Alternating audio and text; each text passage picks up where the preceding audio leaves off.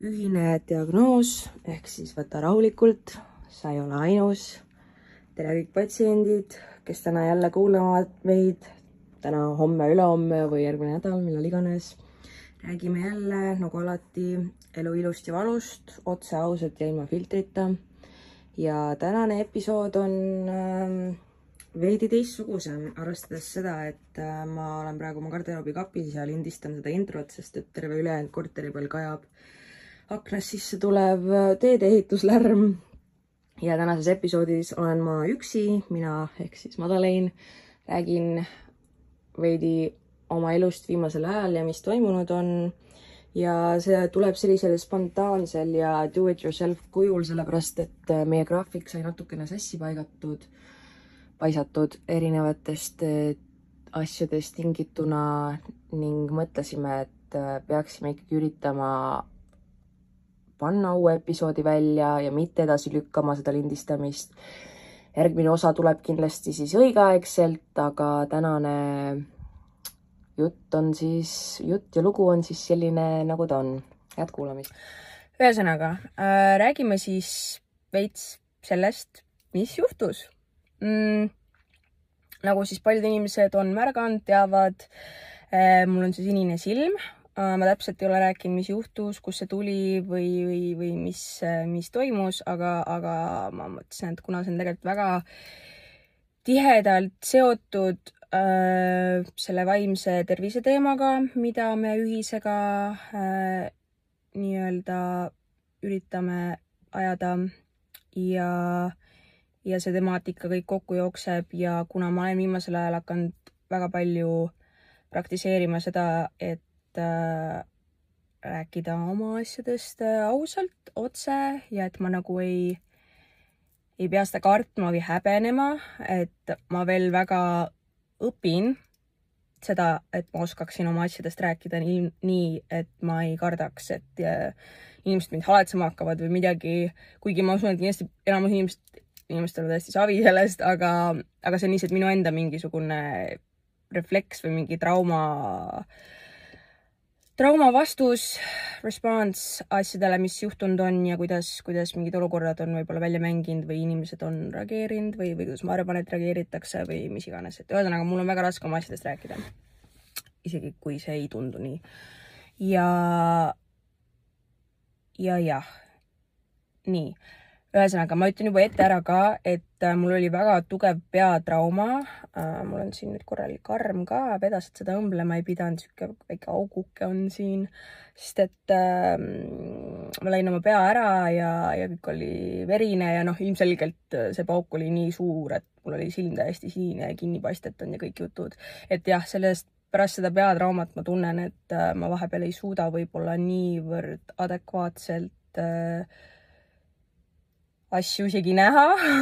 ja veel vähem ennast nagu väljendada või artikuleerida niimoodi, et, et ma saaks täpselt kogu oma nagu pointi äh,, pointile pihta kohe jutuga, et ma võib-olla räägin väga ümmargust juttu vahepeal või, või mingid asjad jooksevad omavahel kuidagi keerdu või siis mul läheb lihtsalt natukene kauem aega, et mingeid lihtsaid asju seletada. ma tunnen seda isegi inimestega suheldes praegu, paljude sõpradega isegi ma vahepeal, ma olen isegi osadele inimestele öelnud, et uh, sorry, kui teile tundub, et ma teid väldin või, või mingeid sotsiaalseid olukordi või, või vestlusi, sest et ma lihtsalt ei ole harjunud ennast tundma lollina. Ja mitte, et ma tunneks ennast praegu lollina, aga ma tunnen, et ma ei suuda vahepeal rääkida normaalselt või et ma nagu tahan mingit mõtet edasi anda või kanda ja ma ei saa sellega hakkama ja siis see on frustreeriv ja ärritav mu jaoks ja võib-olla ka natukene piinlik mingil määral. Ja ühesõnaga jah, aga ma arvan, et see ajaga paraneb kindlasti ja, ja kõik, kõik saab selles suhtes nagu korda ja normaliseerub siis. noh, ega ta enne ka nii normaalne ei olnud anyway, nii et, et võib-olla lihtsalt asjad lähevad paremaks nii-öelda aga jah, alustame siis sellest, et äh, mis, mis siis juhtus, kuidas kõik. seda lugu on võib-olla natukene keeruline rääkida mul, sest et siin on nii palju erinevaid nüansse ja ka teisi inimesi, kes mingil määral sellega seotud on, kes võib-olla ei taha, et ma mingitest asjadest räägin või, või ja ma ei, ma ei, ma ei pea, see ei ole minu õigus kellegi teise mitte elu, aga nagu kedagi teist üldse kuidagi mingi avalikkuse ette lohistada kuidagi või, või ma ei tea, oma sõpru või, või pere või kes, keda iganes, aga, aga ma üritan siis seda rääkida võimalikult nii, et see oleks nagu ainult minu osapool siis asjadest. nii, me põhimõtteliselt siis äh, läksime kaks nädalat tagasi reisile mm me käisime Maltal siis sõbrannadega, see oli meie sihuke väike hot girl summer girls trip. Me pole keegi saanud ilmselgelt väga ammu reisil käia ja, ja see oli, pidi olema meie jaoks sihuke väga-väga mõnus ja tore ja, ja värskendav ja, ja parandav äh, trip, mida ta ka kindlasti oli äh,. absoluutselt äh, minu jaoks on siiani see kogemus kõik väga-väga-väga positiivne ja ma ei, ma ei võta sealt äh, sellest midagi nagu ära kui halvana. Äh, võib-olla ainus asi on see, et ma ei, kuna mul oli nii tugev peatrauma, siis, äh, siis ma lihtsalt ei mäleta osasi asju võib-olla isegi sellest reisist. aga noh, see selleks, mul on pildid ja videod ja sellepärast tehke alati pilte ja videosid, sest et kui teil peaks olema mälukaotus, siis vähemalt äh, on mingid meenutused. nii, igal juhul jah. ja see oli siis meie, meie cross trip ja kogu reis oli tegelikult mega tore äh, see oli nagu puhkus, nii nagu puhkus ikka, väga positiivne. ma teadsin tegelikult juba reisile minnes ilmselt, et ähm, mingisugune vastukaja võib-olla ei pruugi olla sellele sada protsenti positiivne ja, ja ma olin nagu ennast natukene ette valmistanud selleks, et, et ma võib-olla pean mingi moment natukene ka mingite tagajärgedega tegelema äh,. aga see selleks mm,. mitte siis nagu mingi tervise või, või noh, mitte keeruline seletada jällegi ja, ja ma ei, ja ma ei taha seda olukorda kuidagi nagu teha millekski, mis ta ei ole ja jätta mingeid valesid muljeid, aga, aga jah, ühesõnaga ütleme nii, et ma olin terve aeg reisil olles mingil määral teadlik, et võib-olla kuskil mingi hetk shit will hit the fan mingit pidi. ja, ja mis siis juhtus ka reisi lõpuks täpselt mingi päev või kaks enne, enne reisi oli, ma sain ühe halva uudise teada ähm,, mis oli üsna ebameeldiv aga, aga ta oli nagu noh, oli nagu oli ja, ja me olime sõbrannadega ikkagi viimased päevad reisil ja päikse käes ja nautisime ja, ja kõik oli selles suhtes ikkagi nagu väga fine, et et, et, et jah, et see ei olnud nagu mingi maailma lõpp ega midagi ebameeldiv, aga mitte maailma lõpp. ja siis koju tulles äh, alustuseks kõigepealt me üldsegi me tegime, mina ja see on nii naljakas, et ma räägin seda nüüd, sest et mul ei ole endal mälestusi sellest isegi absoluutselt äh,, mis on nii kummaline. aga ühesõnaga meil oli siis, me ei saanud maanduda Tallinna lennujaamas, sest et äh, nii palju udu oli ja need tingimused ei olnud nagu äh, vastavad selleks, et me oleks saanud äh, maandumisi teha ja me läksime siis ööseks Stockholmi. jällegi, mina ei mäleta sellest mitte midagi äh,. ja mul on ainult mingid story'd ja, ja mingid klipid sellest, et seda endale meelde tuletada. aga jah, järgmine päev siis saime ilusti Tallinnasse tulla äh,. lennujaamast koju sõites äh, ma ütlesin juba kohe oma sõbrannadele, et äh,, et nad tuleksid minuga koju kaasa koos, sest et äh, ma natukene eeldasin ja ootasin, et äh, mind võib kodus oodata kerge ebameeldiv üllatus ja sellest ma rohkem nagu, sellest rääkida ei ole rohkem vaja, see ei ole isegi nagu on, mis on. aga ütleme nii jah, et ma olin nagu emotsionaalselt üsna halvas kohas, aga ma teadsin, et aga noh, et nagu ilmselt võib mingi pauk veel, mingisugune pauk võib tulla veel. ja kui me siis koju jõudsime mm,, siis nii nagu ma olin arvanud, täpselt äh, nii ka oli ja, ja ütleme nii, et äh, see oli jällegi, mina ei mäleta sellest mitte midagi, sest et äh, mul lihtsalt pole ühtegi mälestust äh,. ma ei mäleta isegi lennujaamast ärasõitmist, ma ei mäleta Lionelil järgi käimist, äh, ma ei, ma ei, ma ei mäleta koju tulekut, ma lihtsalt mäletan seda, et ma tean, et ma ütlesin, et nad tuleksid minuga kaasa sinna korterisse ja muud ma mitte midagi ei mäleta, ma ei mäleta nagu põhimõtteliselt, ma ei mäleta uksest sisseastumist, ma ei mäleta mitte midagi ähm, ja, ja siis jah, ühesõnaga see oli päris äh, emotsionaalselt äh, ebameeldiv mu jaoks, mis, mis mind ootas. Ja, ja minu reaktsioon oli ka kindlasti mitte absoluutselt vastav, vajalik või nagu noh, ükski normaalne inimene ilmselgelt äh, ei oleks äh, nii reageerinud nagu mina, aga ma ei olegi normaalne inimene. Ja ma olen väga selline inimene, kelle emotsioonid nagu ma olen varem ka podcast'is rääkinud, siis äh, mul on lapsest saati olnud juba nagu need momendid, kus ma ei oska oma emotsioone reguleerida ja kõik, mis on seotud nii-öelda nagu kurbusega või asjadega, mis mind teevad kurvaks või teevad mulle haiget, väljenduvad minul alati vihana. ja, ja nii siis ka praegu. see, sellel momendil siis äh, tõmbas mul silme ees täiesti mustaks ja, ja mul oli full rage mode. Sõbrannad siis kõrval said ka kõik väidetavalt, ma ise ei mäleta, aga noh, ma räägin selle põhjal, mis, mida mulle räägitud on, et said kõik ka sõimata ja kõik, ühesõnaga ma olin väga vihane ja väga emotsionaalne ja, ja jah, ja sellel momendil juba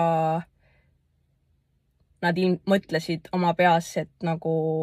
et seisud on suht sitad, aga ma ütlesin vist, ma eeldan, et ma saatsin kõik koju ja ütlesin, et mul on kõik fine ja, ja mida iganes, ma ei ole, noh, kõike seda täpselt järgi uurinud ja, ja ega ma ausalt öeldes ei taha ka väga sellest nagu mingi meeletult rääkida, sest et noh, mis vahet seal juhtus, mis juhtus anyway, onju. ja, ja, ja jah. ja järgmine asi, mida mina siis tean, mida mina ise mäletan, on äh, haiglas ärkamine esmaspäeval ähm, täiesti verise lõhkise pea ja sinise silmaga ja, ja mälukaotusega. kui ma ärkasin algul ülesse, siis ma arvasin, et on kakskümmend, kakskümmend juuli. ja, ja nüüd on mul loomulikult ilmselgelt nagu kogu terve aasta põhimõtteliselt nagu tagasi tulnud, aga mul on mingid lüngad ikka vahepeal kuskil mingite asjade suhtes ja mingid asjad, ma arvan, ma lihtsalt olen võib-olla välja blokkinud või, või ma ei tea. et ähm, et ja, ja mis siis minuga juhtus sisuliselt oli see, et ma olin äh, eeldatavasti juba pühapäeva õhtul, sest et äh, keegi mind telefoni teel vist kätte ei olnud saanud juba siis, sõbrannad ja kõik, kes üritasid helistada ja ema ja, ja asjad ja nad eeldasid siis lihtsalt, et nagu, et noh, et okei okay,, et võib-olla ta läks lihtsalt magama. ja sest et noh, ma olin emotsionaalne, et, et, et, et jah, ja, ja jah. nii et eeldatavasti siis juhtus see juba pühapäeva õhtul, et ma sain epilepsiahoo, kukkusin kokku äh, teel põrandale, ilmselt lõin pea ära vastu oma kapi äärt äh, ja põrandat või mida iganes. ma tean ainult nii palju, et kõik kohad olid äh, verd täis olnud ja see vaatepilt oli väga rõve ja see pauk oli väga korralik ilmselgelt. ja, ja jah, ja siis edasine, mida ma tean, on see, et, et ma olin oma vennale helistanud, äh, kes siis algul telefoni vastu ei võtnud, aga pärast hiljem tagasi helistades ei võtnud enam mina telefoni vastu ja ta vist siis helistas mulle mitu korda ja siis muutus murelikuks, et ma vastu ei võta. ja tuli, mu vend elab siis minuga samas kortermajas, ainult teises koridoris ja ta tuli siis äh, mulle ukse taha ja ei saanud sisse, et äh, ta põhimõtteliselt oli nii, et ma ei võtnud tol hetkel jalgu, ma ei suutnud kõndida, ma ei saanud jalgu alla võtta, mitte midagi, ehk siis ma roomasin korteris ringi äh,, üritasin võtit, võtmega ust lahti teha, aga ma ei saanud võtit isegi lukuauku ja, ja siis vend sai aru, et ilmselgelt on midagi valesti ja ja helistas kiirabisse ja siis tuli kiirabi kohale, kes siis tuli, päästekomando üritas siis tulla aknast sisse, aga kuna ja me naersime selle üle ka, et nagu Lionel on kõige armsam, kõik inimesed, kes on Lioneli näinud, teavad, et ta on kõige armsam ja nunnum koer üldse. ja me oleme alati mõelnud, et huvitav, et kas nagu Lionel mingis sihukeses olukorras, et kui kaitsev, kui kaitsev ta oleks või mis ta teeks. ja põhimõtteliselt siis Lionel oli nii kuri olnud, et äh, päästekomando ei julgenud isegi aknast sisse tulla ja, ja ma siis lihtsalt kuidagi roomasin akna juurde, andsin nendele läbi akna võtme ja mu vend siis, sest kiirabi ei julgenud korterisse ka tulla ja, ja mu vend tuli siis sisse, tassis mind välja kiirabiautosse ja mind viidi siis haiglasse, kus mul oli siis uh, uus epilepsiahoog. ja, ja jah um,, mul ei ole kunagi varem olnud ühtegi epilepsiahoogu ja, ja me siiamaani teeme uuringuid, me täpselt ei tea, mis juhtus või millest see võis tulla. ilmselgelt äh, ja noh, seda me rääkisime arstiga ka, et see võis olla mingisugune noh, ilmselgelt oligi see seos siis minu reaktsiooni, emotsionaalsuse, nii-öelda nõrga närvikava äh, mingite võib-olla rohtude kombinatsiooni ja millegi tagajärjel siis ilmselt ta tuli, et see võis siis olla päris suure tõenäosusega sihuke mingi mininärvivapustus. ja selle kohta ütlen ma ainult seda, et äh, palun, palun hoolitsege enda eest ja olge väga ettevaatlikud äh, selle suhtes, keda te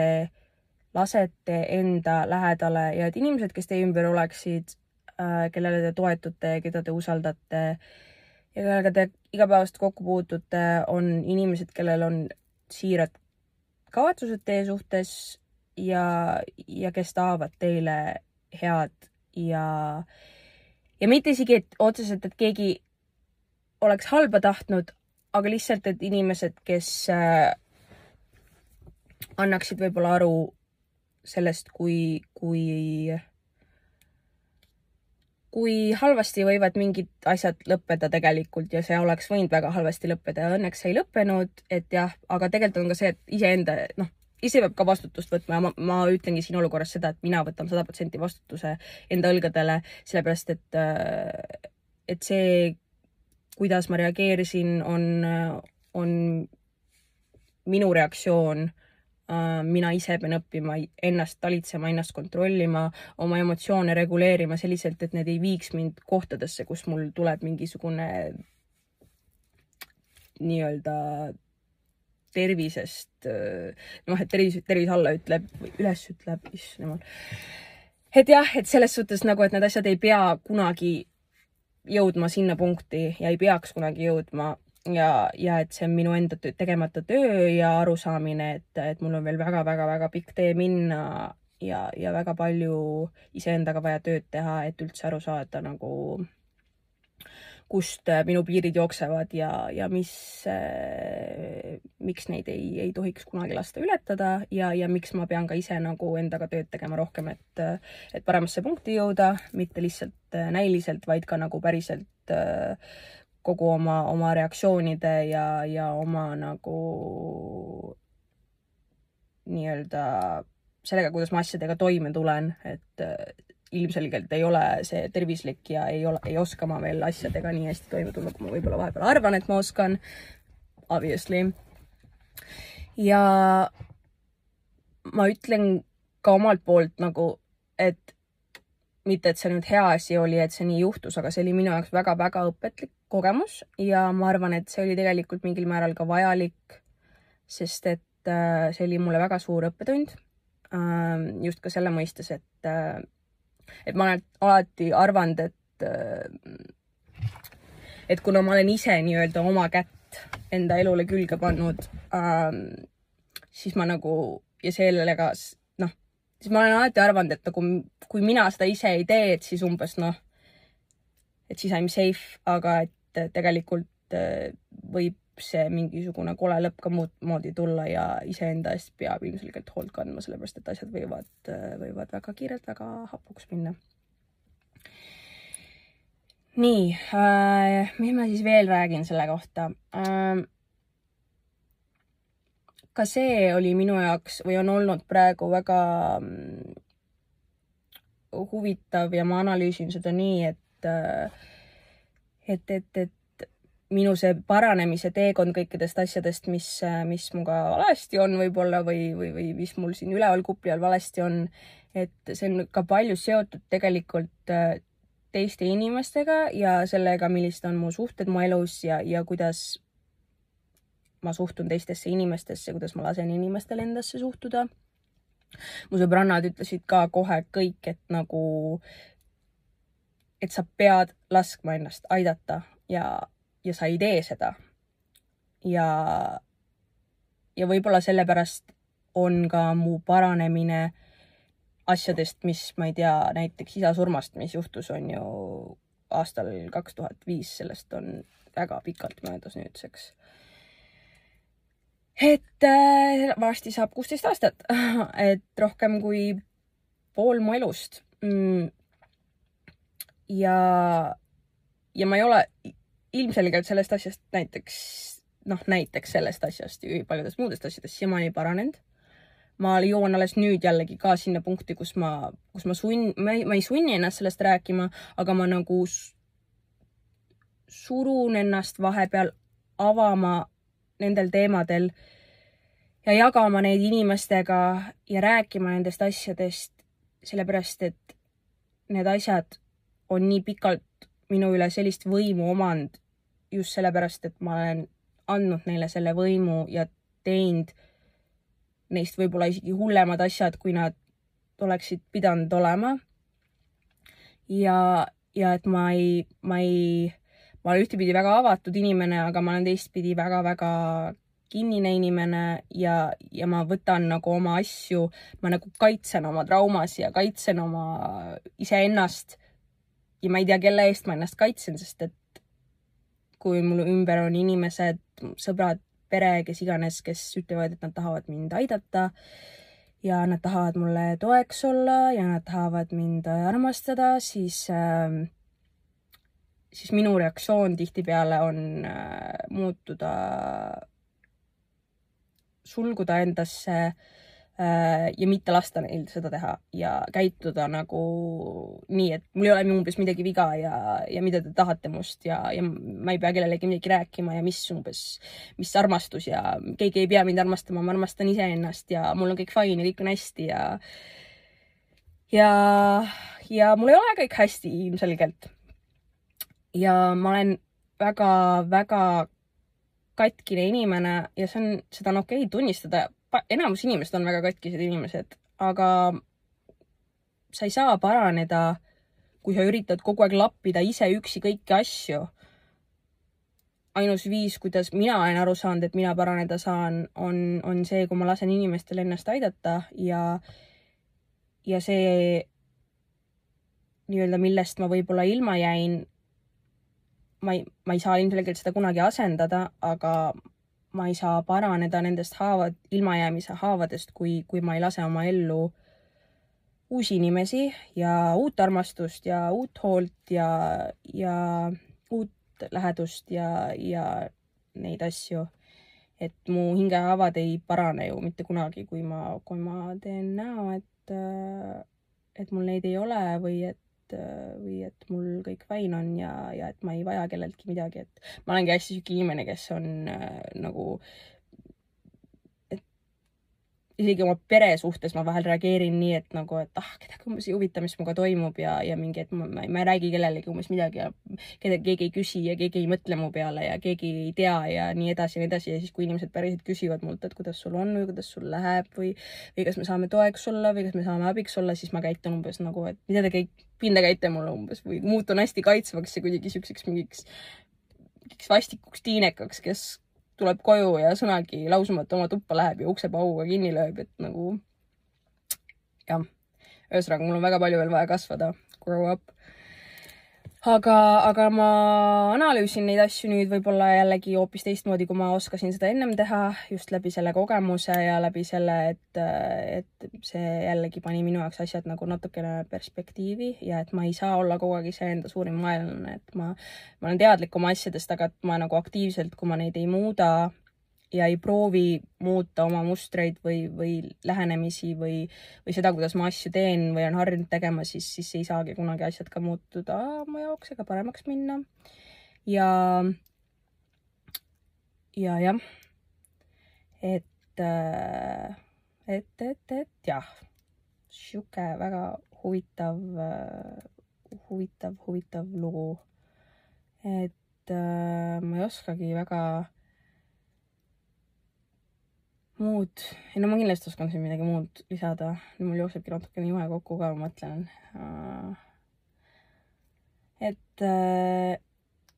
et öeldakse tegelikult ju elus, et, et me saame ainult kontrollida iseennast, me ei saa kunagi kontrollida teisi inimesi, me ei saa kontrollida, mis meiega juhtub või kuidas juhtub otseselt, aga et me saame kontrollida oma reaktsiooni sellele. ja mina olen terve elu arvanud, et ma pean kõike kontrollima ja ma suudan kõike kontrollida ja see ideoloogia ongi mind kontrollinud ja hoidnud mingis puuris kinni, kuhu ma olen kartnud, et teised inimesed mind panevad, aga tegelikult ma olen iseennast sinna pannud. ja, ja ma ei, ma ei saa süüdistada kogu aeg kõiki teisi mingites asjades, mis minuga toimuvad, sest et ma pean ise võtma vastutust selle eest, et kõigiga juhtub halbu asju, suuremal või vähemal määral ja see ongi osa elust. ainus, mis äh, sina inimesena saad teha, on, äh, on lihtsalt iseennast distsiplineerida ja, ja jõuda sinna punkti, kus, äh, kus sa saavutad mingisuguse sisemise rahu, et isegi kui asjad lähevad väga-väga-väga perse ja seda kindlasti juhtub, seda juhtub pidevalt kõigiga kogu aeg, väga koledaid asju juhtub, aga inimesed tulevad sellest välja ja jäävad ellu ja ja ei lase nendel asjadel ennast murda, nii et, ähm, et jah, sealt tuleb ka siis minu enda see analüüs, et äh, ma võin olla väga tugev inimene, aga ma olen ka väga õrn ja nõrk inimene mingil määral ja, ja see ei ole otseselt häbiasi, vaid see on asi, millega ma lihtsalt pean tööd tegema ja ma pean teadlik olema sellest. ja, ja nii naljakas, ma rääkisin selles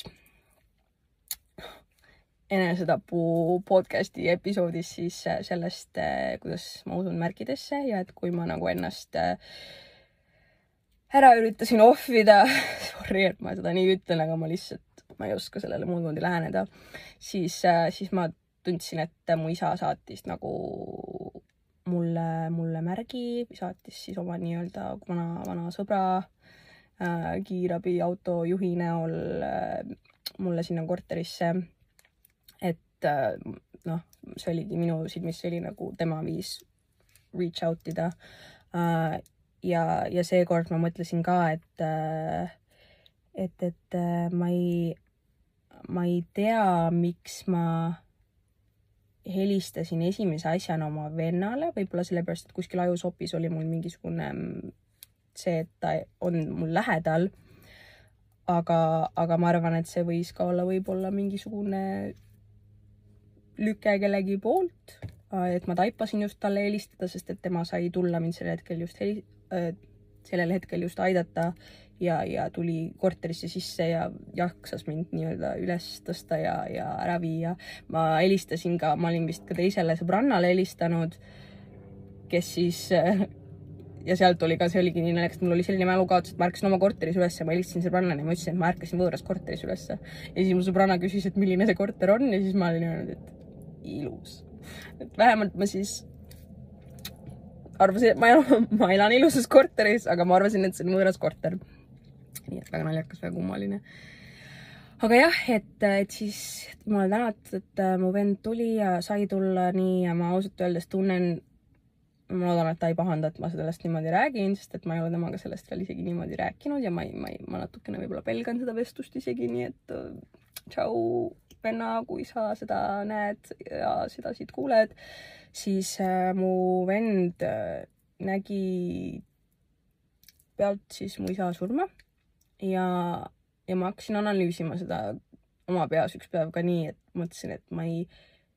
jumal tänatud, et minuga kõik fine oli ähm,, sest et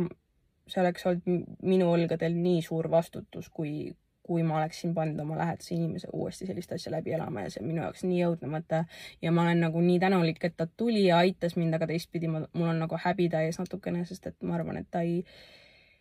ei, ei peaks kogema selliseid asju ja, ja see on minu töö vanema õena mitte panna oma väikseid vendi sellistesse olukordadesse, aga, aga samas jällegi ta on nii tugev ja tubli ja, ja nagu aidanud mind nii palju ja mul nii palju toeks olnud ja ma arvan, et äh,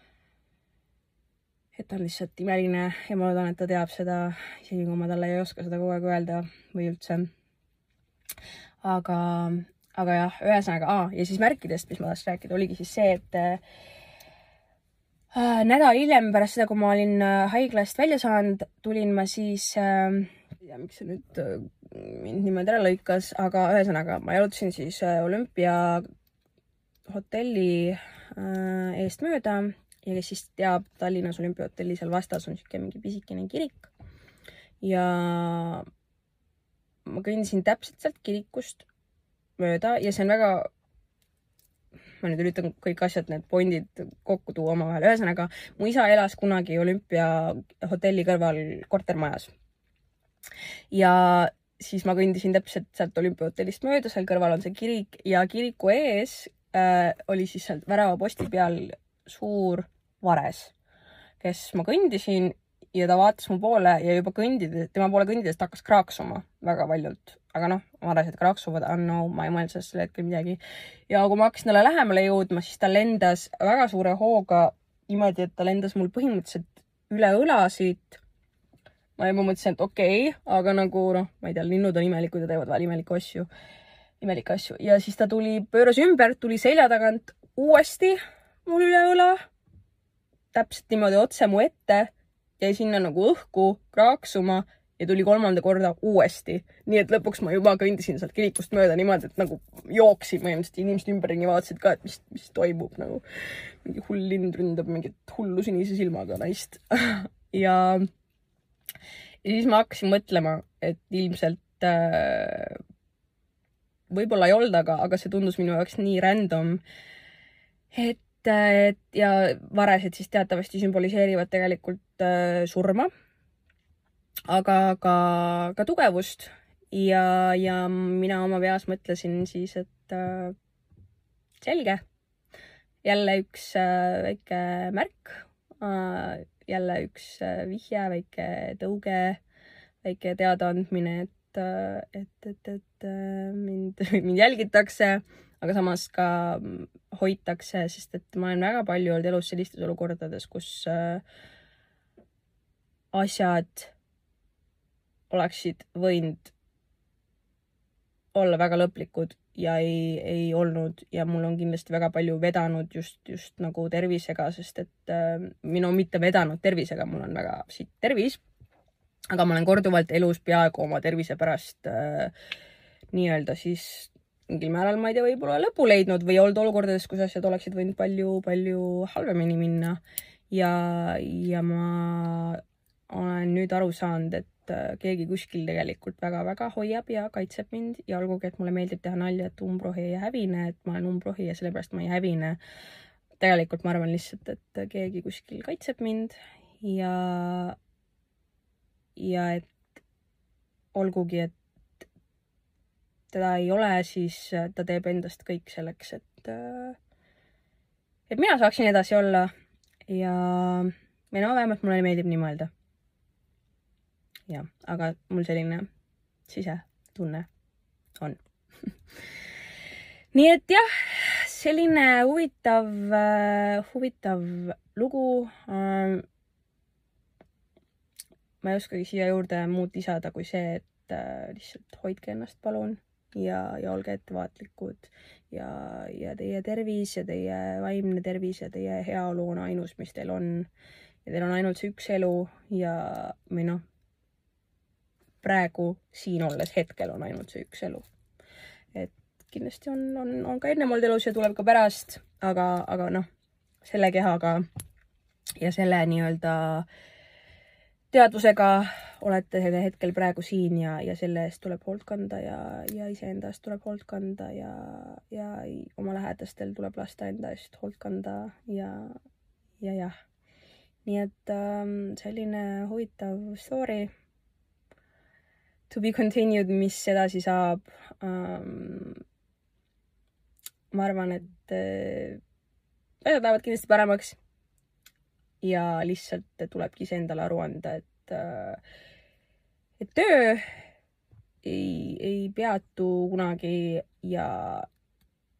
ja et see, et sulle endale näiliselt võib-olla tundub, et sul on kõik hästi, võib ka olla natukene mingisugune enesepete. et nagu tegelik tõeline töö tulebki teha selliselt, et, et sa paraneksid nagu päriselt seest, mitte ainult näiliselt väliselt. ja ja jah, muud mul väga ei olegi praegu siia vist lisada. Ja, ja jah, ma loodan, et teil on kõik hästi, ma loodan, et äh, see oli kuidagi mingi loogiline jutustus, ümberjutustus, story time, ma loodan, et, äh, et kui teil on keeruline või raske, siis, siis kuidagi mingisugune jagamine teid aitab, nii-öelda minu jagamine siis. Ja, ja jah, aitäh kuulamast ja vaatamast ja ma arvan, et äh, näeme ja räägime ilmselt ühisega juba ülejärgmine nädal ilmselt, nii et äh, see you, see you then